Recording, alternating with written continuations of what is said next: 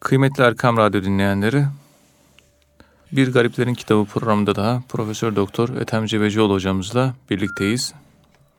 Öncelikle hepinizi saygı, sevgi, muhabbetle selamlıyoruz.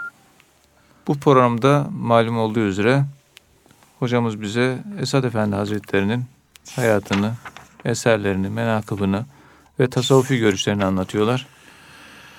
Kıymetli hocam, bir önceki programımızda bu Esad Efendimizin rabıta ile ilgili görüşlerinden e, bahsettiniz.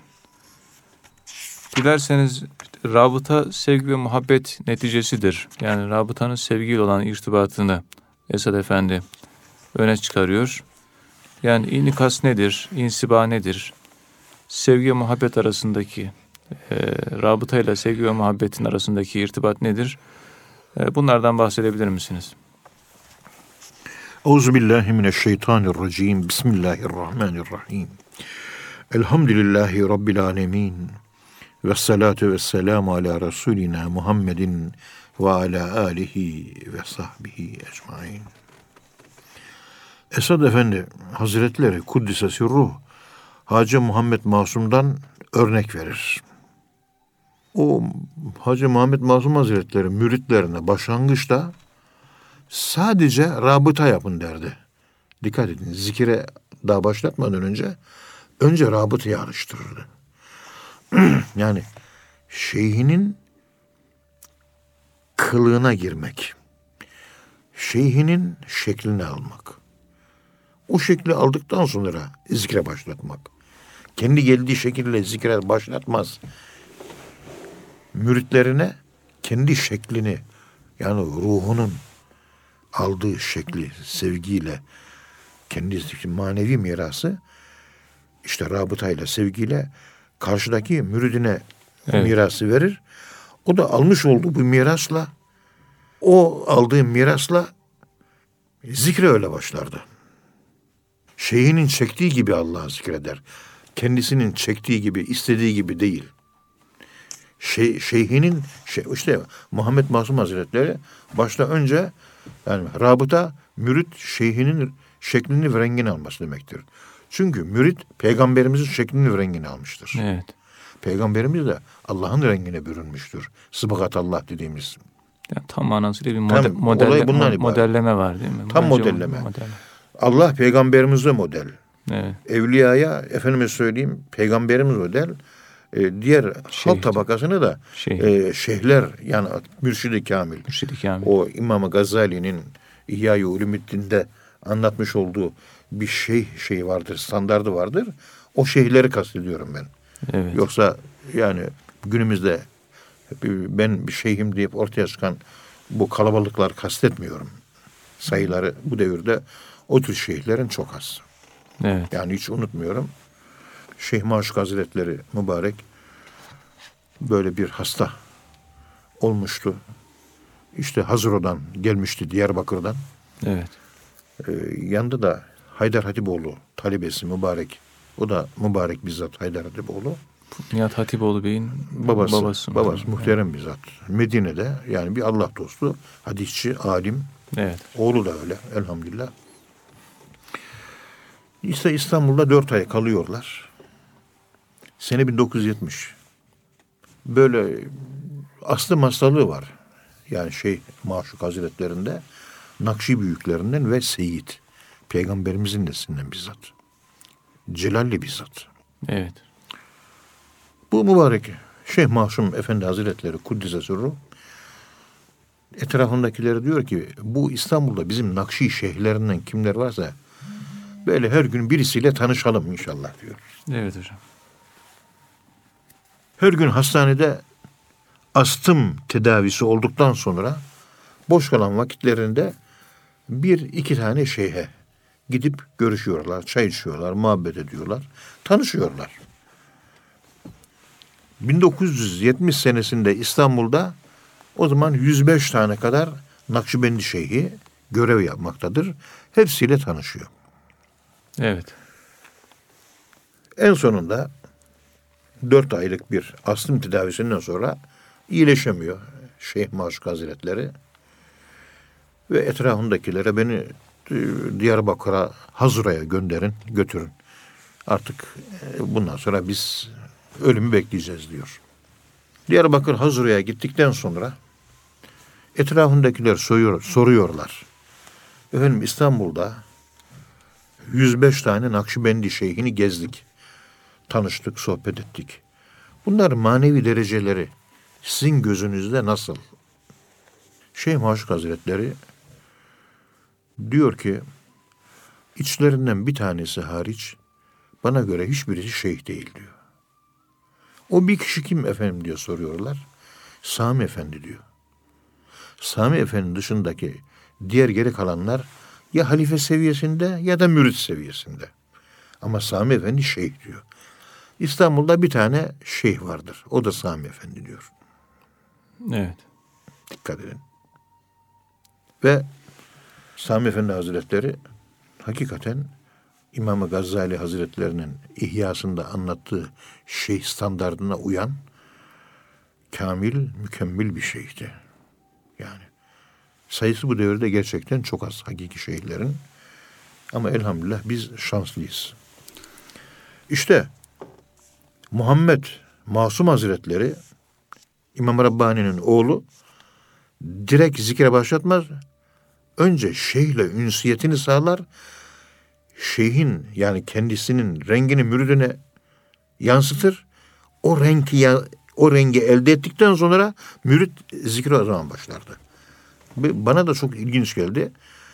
Tabii okuyoruz ama biraz satırları hızlı geçiyoruz ki pek dikkatimizi çekmedi. Mektubatı okurken evet. e, Esad Erbil Hazretleri bu konuyu örnek veriyor. Esad Erbil Hazretleri'nin dikkatini çeken şey üzerine düşünce benim de dikkatimi çekti. Tabii uyanık bir insan Esad Erbil Hazretleri bunda çok büyük bir incelik seziyor. Niye önce zikir vermiyorsun? Önce öğretmenini sev. Şimdi bizim okulda ders veriyoruz. Akademisyeniz. Eğer bir sınıf ders veren hocasını çok seviyorsa istifade ediyor. İstifade değil. Evet. Talebelerin yüzde doksanı sınıfı geçiyor. İşte, evet. Talebe hocasını sevmiyorsa talebenin yüzde doksanı o sınıfta dersten kalıyor.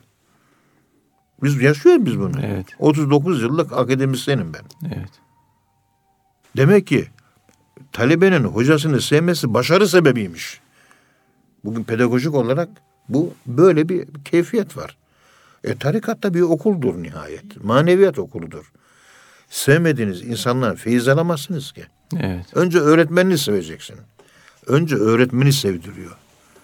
Ondan sonra okulu sevdiriyor. Evet. Muhammed Masum Hazretleri'nin bu uygulaması bana göre son derece mantıklı. Son doğru bir uygulama. Onun, onun yöntemi bu tabii. Metot yani. Tabii. Ama normalde bir şeyhe gidersiniz Nakşi şeyhine ders istersiniz. Dersinizi verir. Zikre hemen başlarsınız. Normal prosedür böyle işliyor. Ama o böyle bir iştihat yapmış. Evet. Bana göre de çok güzel bir iştihat. Şimdi Muhammed Masum Hazretleri zikirden önce rabıtayı tavsiye ederdi. Mürit önce şeyhte fani olurdu. Mürit ondan sonra Hazreti Muhammed Mustafa sallallahu aleyhi ve sellem'de fani olurdu. En sonra da Allah'ta fani olurdu. Evet. Yine sistem aynı şekilde çalışıyor. Ama ilk başlangıçta starter, başlatıcı yani bu yolda ilk defa şeyhin e, sevilmesini o kapıyı açardı. Esad Efendi geleceğin temini hususunu açıklarken gelecek yani istikbalini garantiye almak, geleceğini garantiye almak konusunda da rabıtayı tavsiye ediyor. Zira sevgi olunca müminin kalbinde Allah zikri meydana gelir. Siz sevdiğiniz kişi kumarı seviyorsa kumar oynamazsınız ama İmam Rabbani tabiriyle kumarı oynayanlar hoşgörü hale görürsünüz. Evet. Sevdiğiniz insanı, sevgi beslediğiniz insanlara dikkat edin. Ahlak size geçer. El mer'u ala dini halilihi. Herkes arkadaşının dini üzeredir. Yani Arkadaşını söyle, tabii. sana dinini anlatayım. Onların yanında bulunmaktan zevk alır hale geliyor insan. Tabii. Yani. Evet. Ve onun rengini alıyor. Rengini alıyor. Tamam. İyiyse iyi renk alıyor, kötüse kötü renk alıyor. Onun için ve kûnü ma sadıkin. iyilerle beraber olun. Evet. Deniliyor. Psikoloji bilimi de bunları kabul ediyor bugün. Zira sevgi olunca müminin kalbinde zikrullah meydana gelir. Çünkü şeyhi zikri seviyor. Evet. O zaman şeyhi sevende de şeyhin bu manevi mirası zikretmek özelliği karşıdakine bir yeti, bir kabiliyet olarak aktarılmış olur. Manevi miras diyoruz biz buna.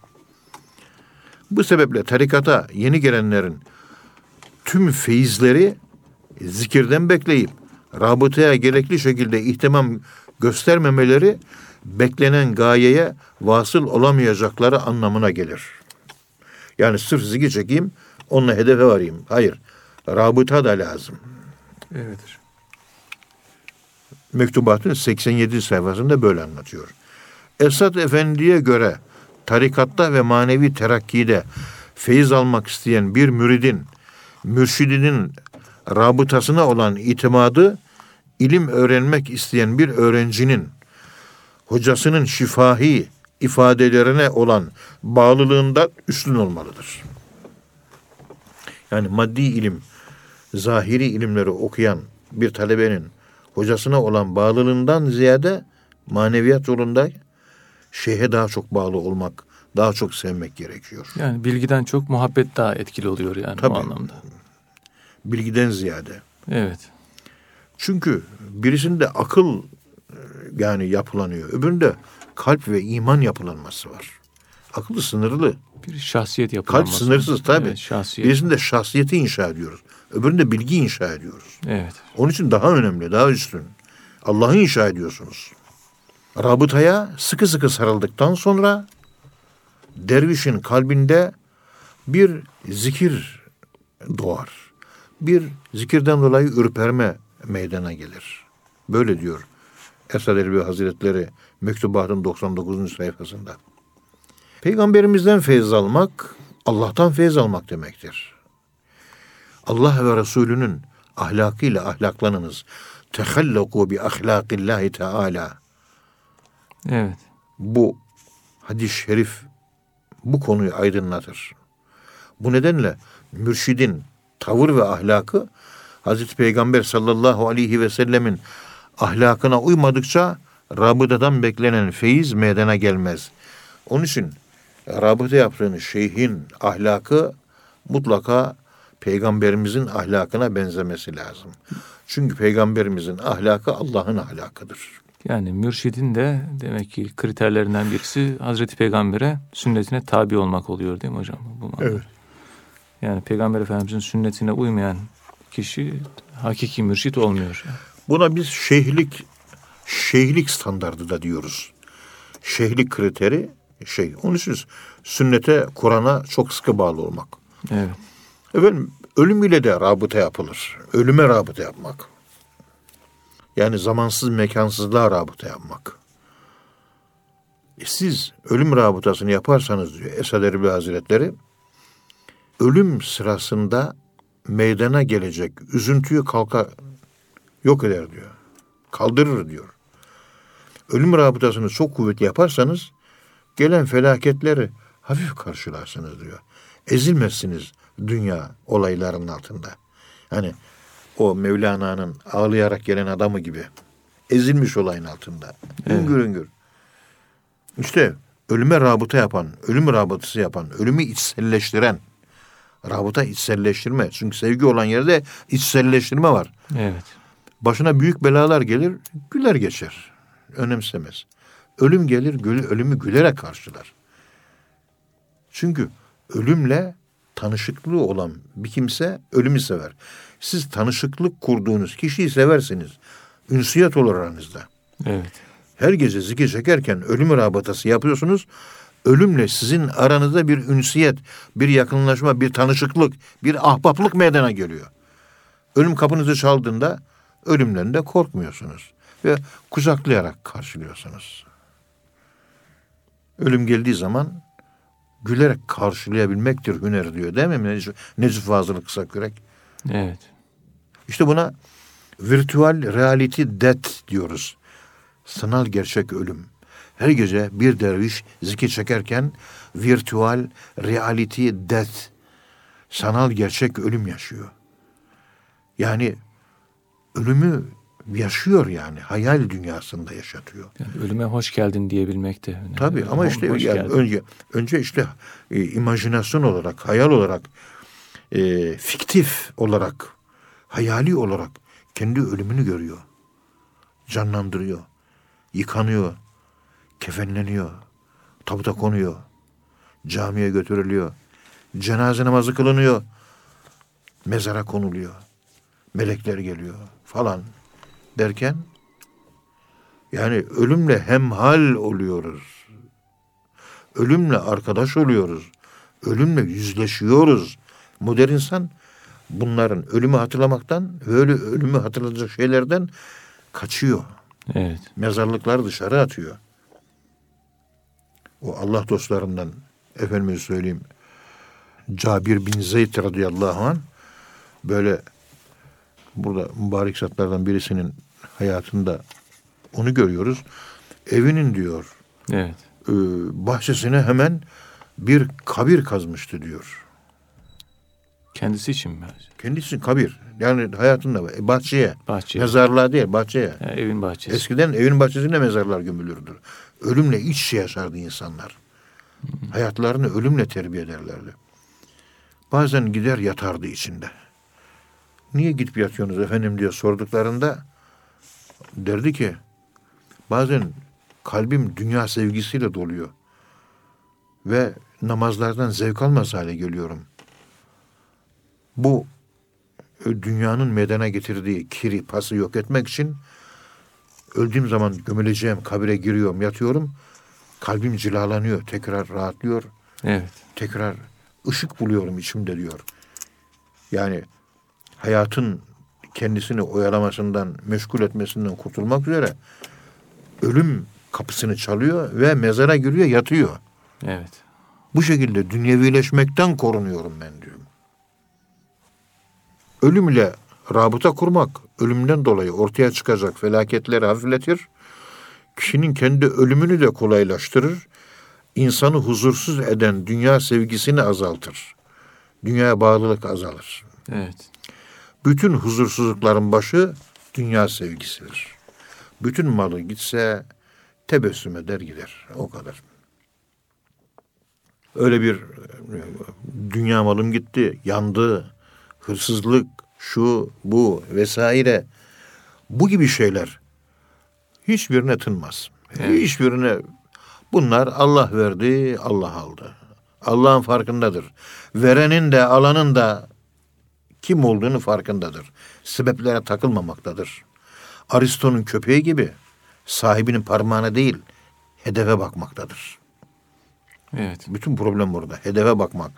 Sebeplere takıldığınız zaman perişan oluyorsunuz. Sebepler gelip geçici, arizi, kalıcı değil ve önemli değil. Bugün olmasa yarın olur. Olmaya da bilir. Sana taksim edilmemiş maksum bir rızık değil. Allah sana yazmamış böyle bir şey. Niye peşine düşüyorsun? Bunlar hep e, yani bizim tasavvufun bir insanda geliştirdiği bir irade eğitimi. Yani irade kabiliyetini geliştiriyor. Bir eğitimdir bu yani. Evet. Çelik gibi bir irade. Olaylar karşısında metanetle duruyor. İşte ölüm rabıtası diyor. Sanal gerçek ölüm yaşatılıyor. Ölümle dost hale geliyorsunuz. Ve ölümle dost olmanız demek şu manaya geliyor. Estağfirullah. Kul ya eyyühellezine hadu in zaamtum ennekum evliyâ'u lillah min dûnin nâsi fetemennevül mevte in kuntum sadikin. Ölümü sevmek demek Allah'ı sevmek demektir. Cuma suresi ayet 8. Evet. İşte ölümü sever hale geliyoruz. Yani Allah'ı sever hale geliyoruz. Ölümü sevmek bir kişinin Allah'ı sevdiğinin kriteridir. Ayet-i kerime bu. Allah'ı seven de gerçekten seviyorsa ölümü sever. Yani ölüm demek Allah'a kavuşmak demek.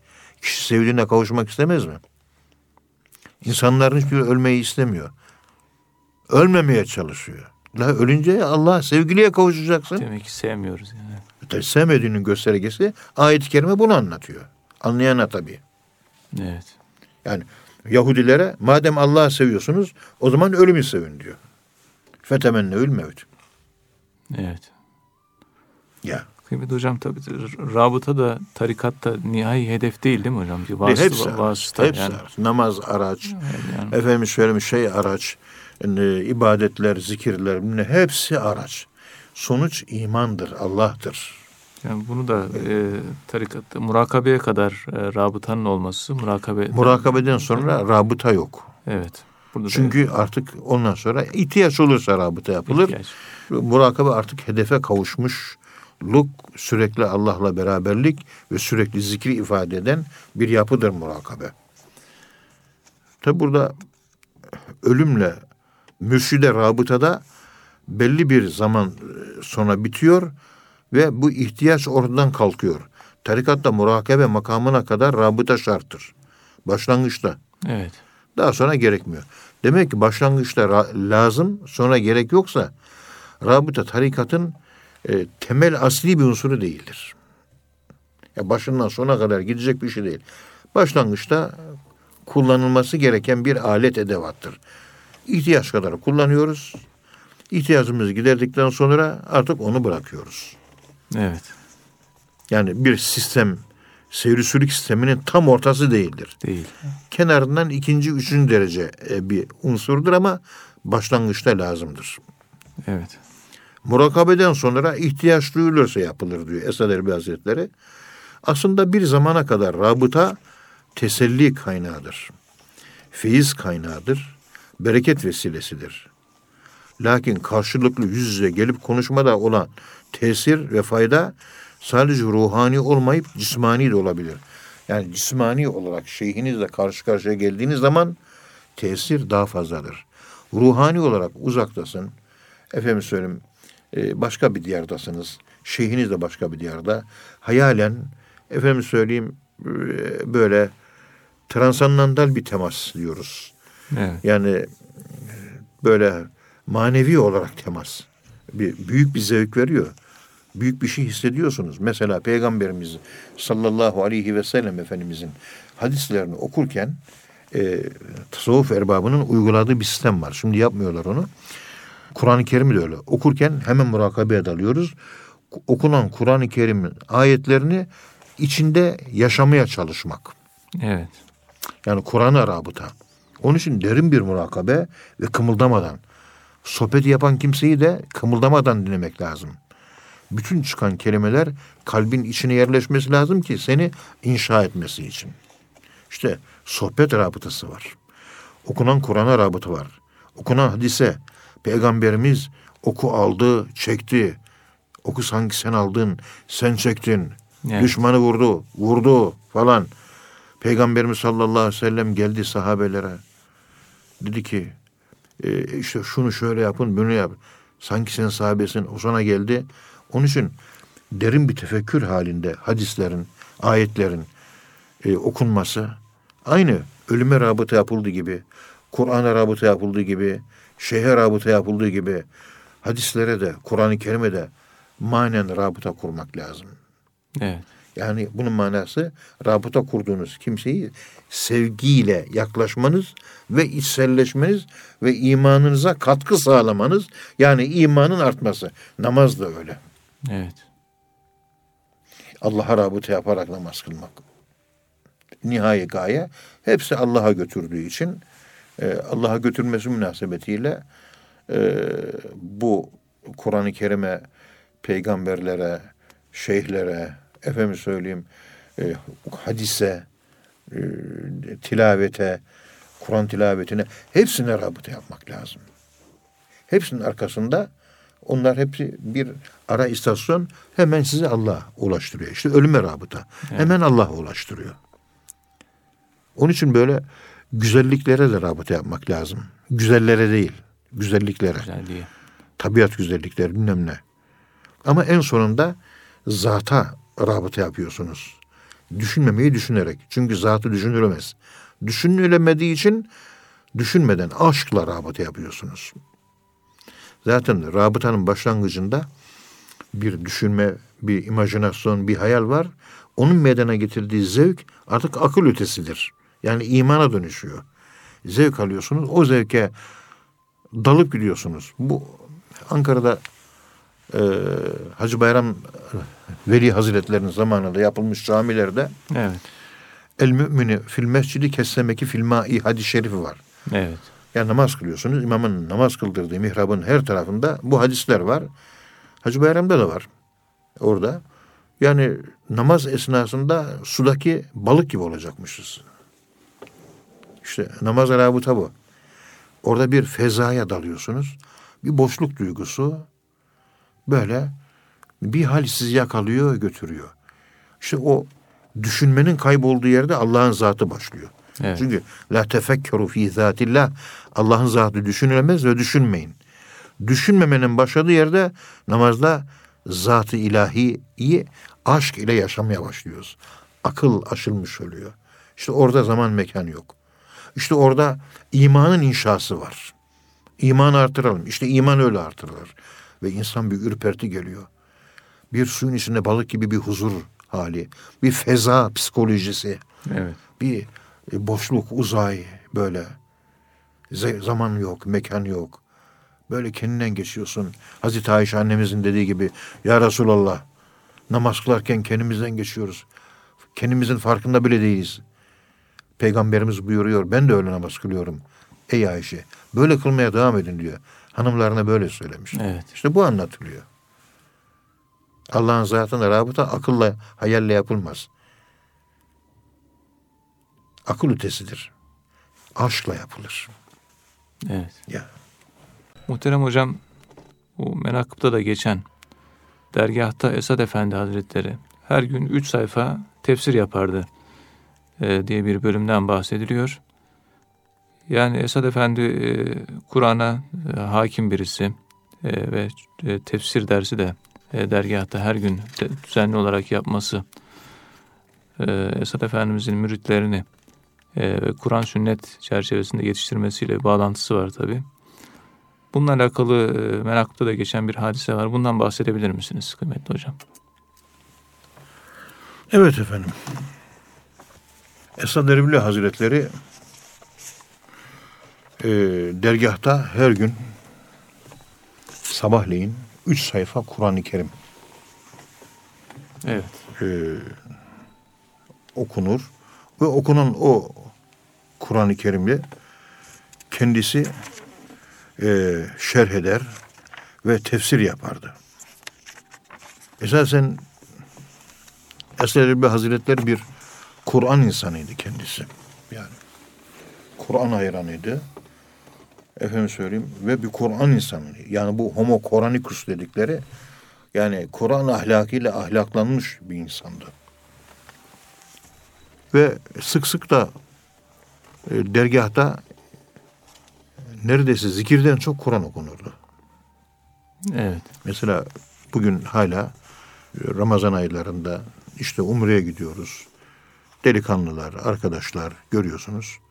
Sürekli olarak herkes elinde Kur'an-ı Kerim, herkes Kur'an okuyor. Herkes. Evet. En yukarıdan en aşağı kadar. Kur'an merkezde. Ve böyle olması gerekiyor. Çünkü peygamberimizin hayatının merkezinde de Kur'an-ı Kerim vardı. Ondan sonra zikirdi, ilimdi, sohbetti. Onlar da onun yan unsurları olarak devam eder. Ama her gün bir 20 sayfa Kur'an okumak lazım. Sizin daha önce bahsettiğiniz hocam Musa Efendimizin e, ifadesi zannediyorum. İşte günde bir cüz kim Kur'an okursa işte hafızlar gibi mi olur ona Evet, benzer bir ifade. hafızlık makamı. verilir. Hafızlık makam verilir. Her gün bir 20 sayfa okumak lazım. Hiç aksatmadan muntazamak okumak lazım. Yani hafız koruyan demek, muhafaza eden demek. 20 sayfa okuyan bir kimse Kur'an'ı muhafaza eden anlamına geliyor. Hıfız sırrı. Hıfız sırrı olunca Allah dünyada ve ahirette korktuklarından emin eder. Umduklarına da nail eder. Sen korursan korunursun. Kur'an'a hafız olursan Allah da sana, Kur'an da sana hafız olur. Evet. Okumak da bir hıfızdır. Ya. Efendim Hasip Efendi amcayla görüştüğümüzde e, Pir Efendimiz hakkında bize çok bilgiler verdi. Evet hocam. Her sabah Alaturka saatle işte 2.30'da doktor gelirdi diyor eve, şeye, dergaha. Yani sabahleyin sekiz buçuk. Evet. Her sabah ama. O da önemli yani. Sürekli doktor kontrolü altında olmak. O zaman yani 1925 senesini ben düşünüyorum. Demek ki Esad Erbil Hazretleri o sırada 79 yaşlarında, 78 yaşlarında falan. Bu Hasim Efendi'nin anlattığı. Evet. Doktor muayene eder. Yapılacak gerekli şeyleri yapar. Ondan sonra saat 9'da, bugünkü saate göre 9'da sabah Hafız Sadri Efendi gelirdi diyor. O üç sayfa Kur'an-ı Kerim okurdu. Arkasından Fatiha çekilirdi. Esed Erbil Hazretleri Euzu Besmele'yi çekerek Allahü Teala Hazretleri şu ayet-i kerimede şöyle buyuruyor der ve sohbeti açar.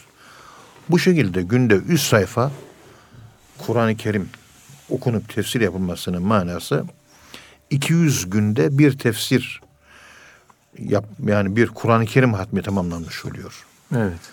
Ve bu yıllardan beri böyle devam etmiş. Demek ki tekkede her yıl en az bir defa Kur'an-ı Kerim tefsir edilmek suretiyle hatim yapılmış. Hatim yapılıyor. Bu çok önemli. Her sene bir defa mutlaka tefsir yapılmak suretiyle hatim yapılıyor. Evet. Üç sayfa. Konuşurken önünde not, kağıt olmazdı. Esed Erbil Hazretleri'nin. Gönlüne geldiği gibi, aklına geldiği gibi irticalen spontane konuşurdu. Evet. O yapmış olduğu tefsirlerde önünde hiçbir zaman not görmedim. Elinde kağıt da yoktu, elinde kalem de yoktu. Kur'an-ı Kerim'e bakar, ayet-i kerime okur, onu tefsir ederdi. Evet. Hatta böyle bir nota baktı. Vallahi billahi herhangi bir nota bakmadan doğrudan konuşarak tefsir yapardı diye yemin etsem günah olmaz diyor. Böyle bir esprisi de var. Asla. Hasip Efendi mi diyor hocam? Hazım Efendi bunu Hasip, böyle evet. söylüyor ve Evet. yani sohbetin aslı da zaten bu olmuş oluyor. Yani kalbinde ne doğuyorsa, kalbine ne geliyorsa o karşıda dinleyenlerin ihtiyacı o. Onu konuş. Doğrusu bu. Abdülkadir Geylani de Fethur Rabbani ben buraya gelirken diyor çıkarken ne konuşacağım ben de bilmiyorum diyor. Evet. Önde bir kağıt kalem falan var bir şey varsa Allah'a değil de öndeki nota dayanmış oluyorsun. Evet. Yani Ehlullah'ın, Abdülkadir Geylani'nin, işte Esad Elbi Hazretleri'nin, bizim bildiğimiz büyük zatların metotları hep bu. Gönüllerinden ne geliyorsa. Yani öndeki kağıda nota dayanmayacak. Sohbet Allah'a dayanacak. Evet. O işte o zaman konuşan Allah olur. Konuşturan, konuşan, arada ikilik kalkar. Evet. Allah ne verdiyse. Ve ona da razı olacak konuşan kimse. O sırada Unkapanı Camisi imamı Hoca Yusuf Efendi vardı diyor Hasim Efendi. Hoca Yusuf Efendi de çok alim bir zattı. Tefsir derslerinde Esat Efendimiz'e itiraz ederdi. Şu şöyle bu böyle derdi. Evet. Esad Efendimiz de ona şu ayette şu var, şu hadiste şu var diye genişçe açıklamalar yapardı. Sonunca o Unkapanı Camisi imamı Yusuf Efendi'yi ikna eder. O da boynunu büker, teslim olurdu diyor. O devirde ulema sınıfı Esat Efendimizin kıymetini biliyorlar, takdir, ed- takdir ediyorlardı. Geliyorlardı, önüne diz çöküyorlardı. Yaptığı dersleri dikkatle dinliyorlardı. Evet. Eskiden falanca bir hocanın önüne oturup ders dinlemek. Ders dinlemek bir zevkti halk tarafından ama falanca hocanın dizinin dibine oturup da böyle bir ders dinlemek o da ikinci ayrı bir zevkti. İşte falanca hocanın sohbetlerine devam etti diye öyle anılırdı. Evet. Bu bunlar tabi bu devirde hep kalktı. Osmanlı bir medeniyet olarak, bir kültür olarak bu konuyu çok işler ve işlek hale getirmiş. Hiç cahil kalmamış. Evet. Herkes bilgili. Gidiyor hocaya 20 sene devam ediyor. Biz de işte Ankara'da böyle talebelere normal ders veriyoruz. Halk tabakasına da ders veriyoruz. Ben halk tabakasına ders vermeye şahsen karşıyım. Talebe daha önemli. Çünkü talebe sürekli geliyor. Evet. Halk tabakası keyfine göre bir geliyor, bir gelmiyor, bir gidiyor, bir gelmiyor. Halk tabakasından talebe olmaz. E, teberrürken yani konuşuyoruz onlara. Konuşuyoruz ama talebe esas önemli. Talebe dakik. Her zaman geliyor. Dersi kaçırmıyor. Ciddiyet bakımından öğrenciler evet. daha Eskiden devam. halk tabakası ciddi gelirdi. Evet. Hiç aksatmazdı. Mesela bir işi var değil mi? O işini bırakır dersi öne alırdı. Esad Efendi Hazretleri 129. mektup olduğunu hatırlıyorum. Orada diyor ki tefsir dersi yapmak ve o derse iştirak edip dinlemek şükürdür diyor. Evet. Beni çok etkiledi bu. Neyin şükrü yani hocam? İlmin şükrü. İlmin şükrü. Ya dinleyenler Allah le in şekertüm le eziden hüküm ayeti kerimesine göre siz bu şekilde ameli şükür yaparsanız ben de onun bereketini, sevabını artırırım. Ve o konudaki nimetimi artırırım. Le eziden hüküm. Evet. Aynen böyle. Tefsir dersi yapmak ve o derse katılıp da dinlemek şükürdür diyor. Halk tabakasına sohbet ediyoruz. Bakıyorsunuz e, şuursuz çünkü halk tabakası. Şuur yok, bilinç yok. Evet. Yani Osmanlı devrindeki gibi seviye yüksek değil. Bakıyorsunuz e, toplantımızın 45 tane 45 tane elemanı var. Haftada bir bir araya geliyor, sohbet ediyoruz mesela öyle halktan olan. Bakıyorsunuz mesela son toplantımı e, dört kişiyle yaptım. 45 kişi hiçbirisi gelmedi. Evet. Çünkü seçim daha önemli. Ben orada e, Kadı İyaz'ın Şifai Şerif'ini okuyorum. Hadis okuyorum. Orada ayetler var. Seçim daha önemli.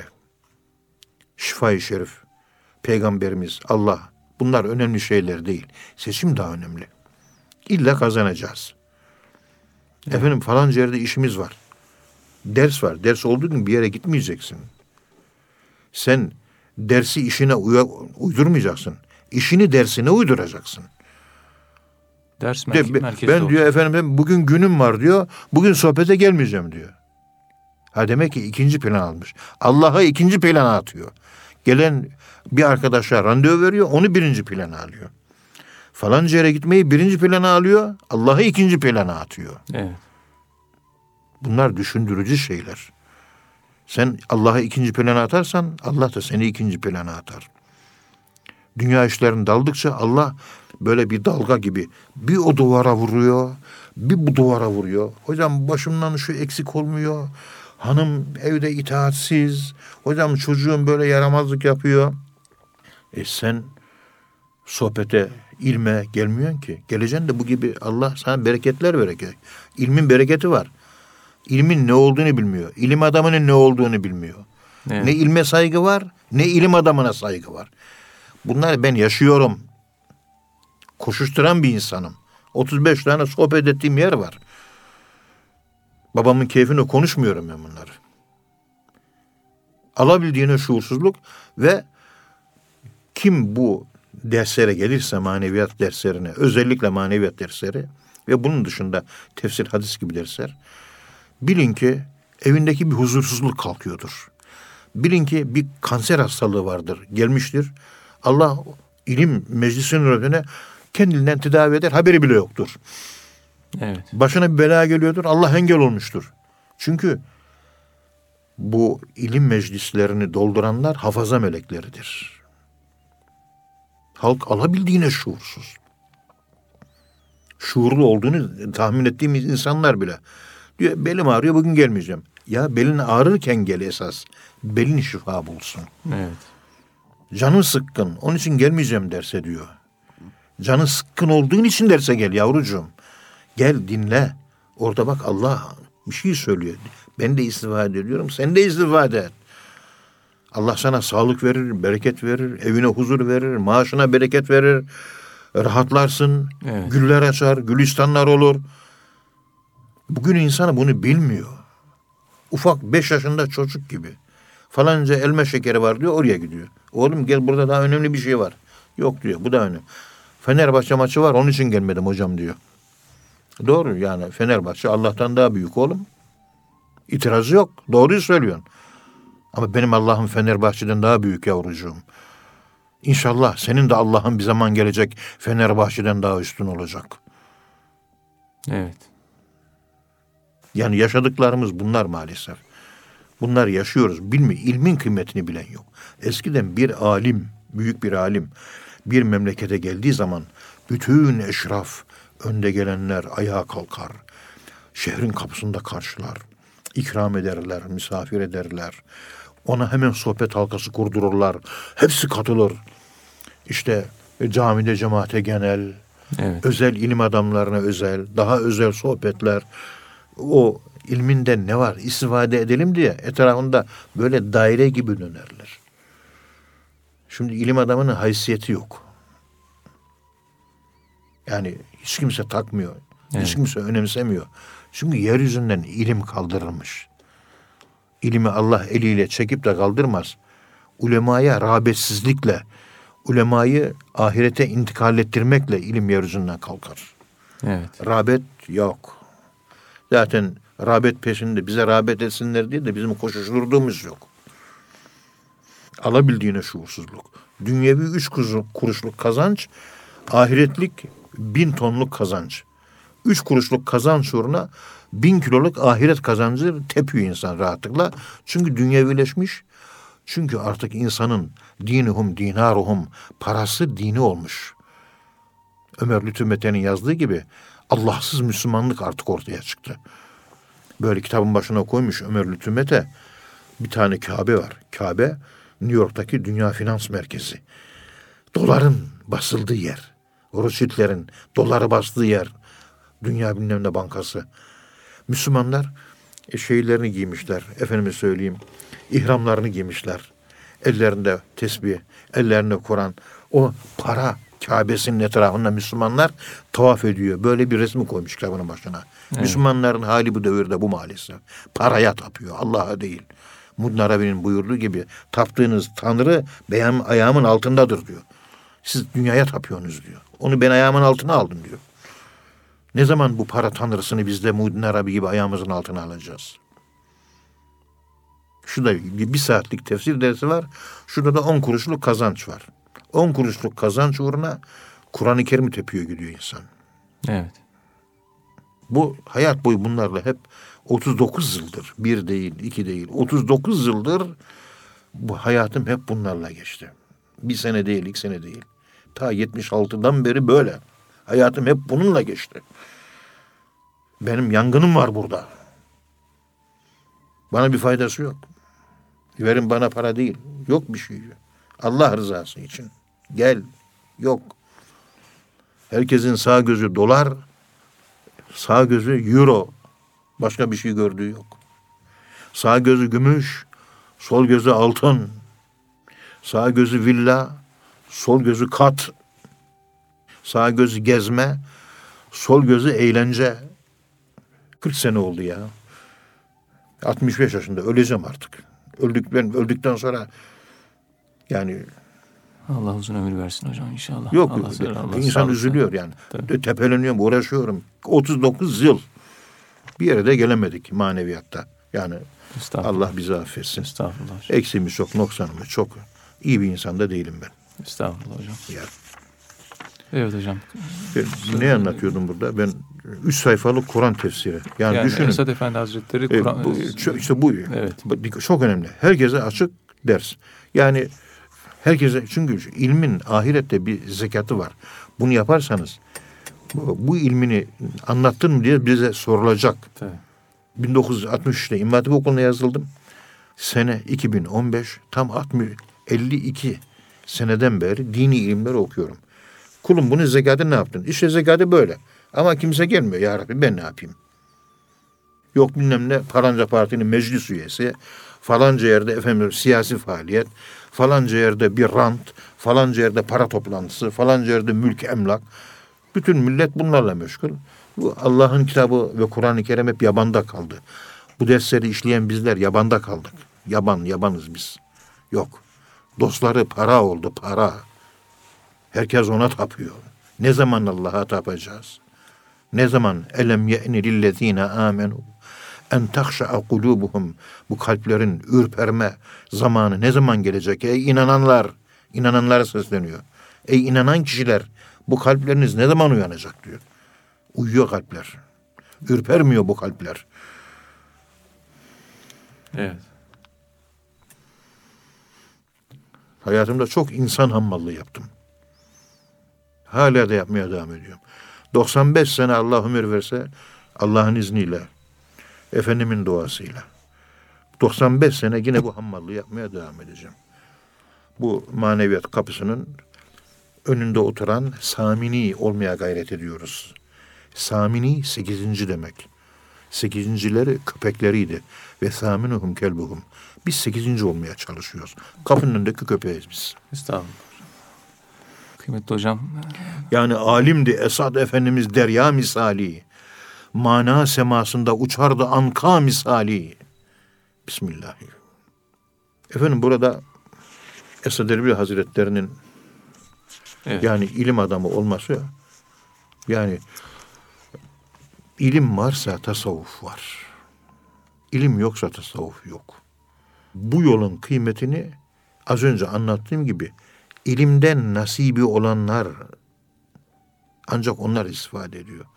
İlimden nasibi olmayanlar bu yoldan istifade etmesi kolay değil, zordur. Kolay kolay istifade etmez. Evet. Onun için önce muhaddis, ondan sonra sufi olmak lazım. Adamcağız İslam'ı anlatamıyor. Okuduğu Ömer Nasuh Bilmen'in önündeki ilmi halini yanlış anlatıyor. Yani şimdi bundan nasıl sohbet başlıyor abi bilmem ne falan nasıl olur ben anlamıyorum bunları. Yani öndeki insanın biraz bir şey bilmesi lazım ya. Yok. Önü fethetmesi lazım, açması lazım. Sorulan sorulara bir cevap vermesi lazım.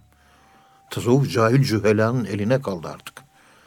Onun için tasavvufun e, yere düştüğünde tenkitçileri çoğalır. Eskiden tenkitçiler çok değildi.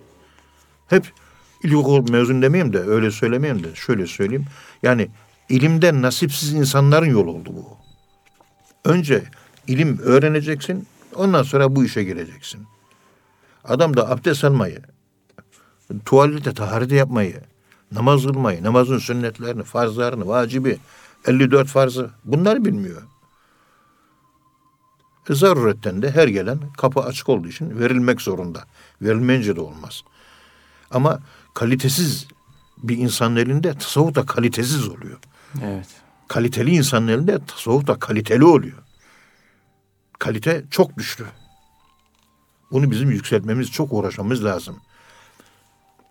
30-40 yere değil, günde en az 10 yere koşmamız, haftada 70 yere koşmamız lazım.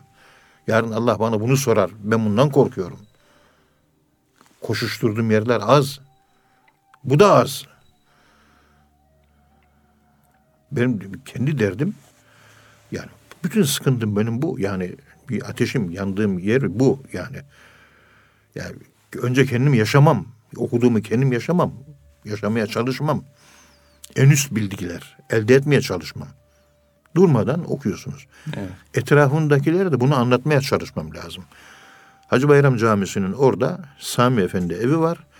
Orada işte Fahrettin Irak'ın Lemaatini okuyoruz. Bu pazar günü de işte onu okuduk. Orada bir konu geldi yine. Bir kimse ben Allah'ı seviyorum demesinin manası şudur diyor. Ve Nakşibendi şeyhlerinden de Molla Cami Eşi'atı e, diye o kitaba şerh yazmış. Yani Fahrettin Iraki'ye 1492'de vefat eden Molla Cami şerh yazmış. Evet. Ya orada diyor ki Eşi'at-ı Lemaat adlı eserde bir kimse Allah'ı seviyor mu? Seviyor. Aslında o kimse sevmiyor Allah'ı diyor. Allah o zatın üzerinden yine kendisini seviyor diyor. Anlaşılması zor değil mi? Biraz zor. Ha, Hacı Bayram Veli Hazretleri o Fahrettin Irak'ın lemaatını müritlerine haftada bir defa ders olarak işlermiş. Ağır bir kitap. Yani bir kul Allah'ı sevdiği zaman bunun manası şudur diyor. Allah o kulun üzerinden yine kendisini kendisi seviyor. Evet. Yani Allah'ı sevenler var ya aslında sen Allah'ı seven değilsin. Allah senin üzerinden kendisini seviyor. Uzun uzun onu anlatmış. Bir baktım heyecanla anlatacağım diye yorgunum. Kazakistan'dan yeni geldim. Oralardaydık. Baktım bir saat 50 dakika konuşayım da kaçayım dedim yani yorgunum çünkü. Baktım bir saat 40 dakika konuşmuşum. Nasıl bir heyecanlandıysam. evet. Düşünün dedim bakın. Siz şuraya toplanıyorsunuz sabah namazından sonra. Hacı Bayram namaz kılıyoruz. Oradan o ders yapıyoruz. Yani Hacı Bayram Veli Hazretleri bu kitap ağır bir kitap. Müritlerine bunu haftada bir defa çok geniş bir şekilde iki saat, üç saat anlatır ve müritleri anlarmış. Ve kitap tamamen aşka ve aşıklara dair. Allah'ı sevmek ve Allah'ı sevenlere dair. Kitabın özelliği bu. Başka bir şey değil. Müritlerini hep onu okumuş Hacı Bayram Hazretleri. Evet. Ve o kitap üzerinden Allah aşkını anlatmış. Önce bir aşk inşa etmiş. Aşk olmayınca meşk olmuyor. Onun için Hacı Bayram Veli Hazretlerinin tespit, ben doktora tezim Hacı Bayram Veli Hazretleri. 10 yıl Hacı Bayram çalıştım ben. Evet. Hacı Bayram Veli Hazretleri'nin e, halife sayısı tespit edilebilene 42 tane. Hepsi ilmiye sınıfından. Hepsi. Hepsi ilmiye sınıfından. Daha bir de tespit edemediklerimiz var. Benim tahminim yüzü geçiyor. Yani o görüntü yüzden fazla halife yetiştirmiş. Hepsi ilmiye sınıfından. Evet. Ve o halk tabakası Ankara ahalisi geliyor. Hacı Bayram'ı dinliyor. O konuştuğum ağır böyle tasavvufi konular halk anlıyormuş. Hatta bazen anlamakta zorluk çekince de efendim Kızılca Bedrettin kulunuza söyleyin de şu kitabı bir tercüme etsin Türkçe'ye. O da olur tercüme edin demiş. Hem Hacı Bayram ders olarak dinliyorlar. Bir yandan da Kızılca Bedrettin'in yapmış olduğu o tercümeyi de kendi aralarında okuyorlar. İmanımız artsın diye. Kitap tamamen imanı artırma yönelik. Başka bir şey değil. Aşkı yani imanı artırma yönelik bir kitap. Başka bir şey değil. Sohbeti bitirdik. Bitirdikten sonra yaşlı bir dede vardı yanımda. Eski dervişlerden. Hocam şu anda kazandığım bir hal var dedi. Senin şu sohbetten dedi. Dua etti bir ay bana bu yetsin dedi. Evet. Dedim bende iş yok. Bana hiç güvenme. Tesir varsa Allah'tandır. Benim de senin gibi ihtiyacım var. Ben de buraya bir şey öğrenmeye geliyorum. Kimseye verecek değilim. Ben de almaya geliyorum. Yani ben de yardıma muhtaç himmettedeyim. Hadi dua et de sen de bana ikimize de bu sohbet bir ay manen iman olarak geçsin dedim. Tasavvuf halletmiş halk da daha üst dili anlatmaya çalışıyorlar. Şimdi üst dili kullanamıyorsun, üst dili anlayacak adam yok. O üst dili anlattığınız zaman hemen damgalanırsınız bu devirde. Çünkü irfan geriledi. O zaman irfan yükseldi. Yüksekti o zaman. Evet. İrfan dili yüksekti. Bu fakir dille biz tasavvufu bu kadar anlıyoruz. Efendim ayette bu, hadiste bu, bu kadar. O bir arka manasını an, çok zor. İşte Altınoluk dergisinin orta sayfasında üstadımızın yapmak istediği bu. O büyük Allah dostlarının sözlerinin arka planını üst dili anlatmaya çalışıyor. Seviye yükselsin. Ve çok ihtiyaç var. Evet. Elhamdülillah zevkle okuyoruz. İmanımızı artırıyoruz. Allah şefaatinden mahrum eylemesin. Ya. Amin. Hocam ağzınıza sağlık. Heyecanlandım biraz ama Evet, kusura kalmayın. çok- çok- ya o- 39 yıldır. Sen mi söylüyorum? Ya, ya yaşı be- benim yaşım 95 de olsa ben buna devam edeceğim. Benim mesleğim bu. İstersen boğazımı kes, kolumu keser. Ben buyum. Selamün aleyküm. Allah Teala Ama- hayırlı ömürler versin hocam. İstiyorum ki yani faydalı olayım. İnşallah. Koşuşturuyorum. Şey yok. Yani etrafımız fakir. Ne ben ne yapayım? Neyse. Evet hocam Allah, Allah razı olsun. Çok güzel bir e, sohbet oldu. Çok güzel bir ders oldu. Ee, kıymetli dinleyenler, programımızın sonuna geldik. Bir sonraki programda tekrar buluşmak ümidiyle hepinizi Allah'a emanet ediyoruz. Hoşçakalın efendim.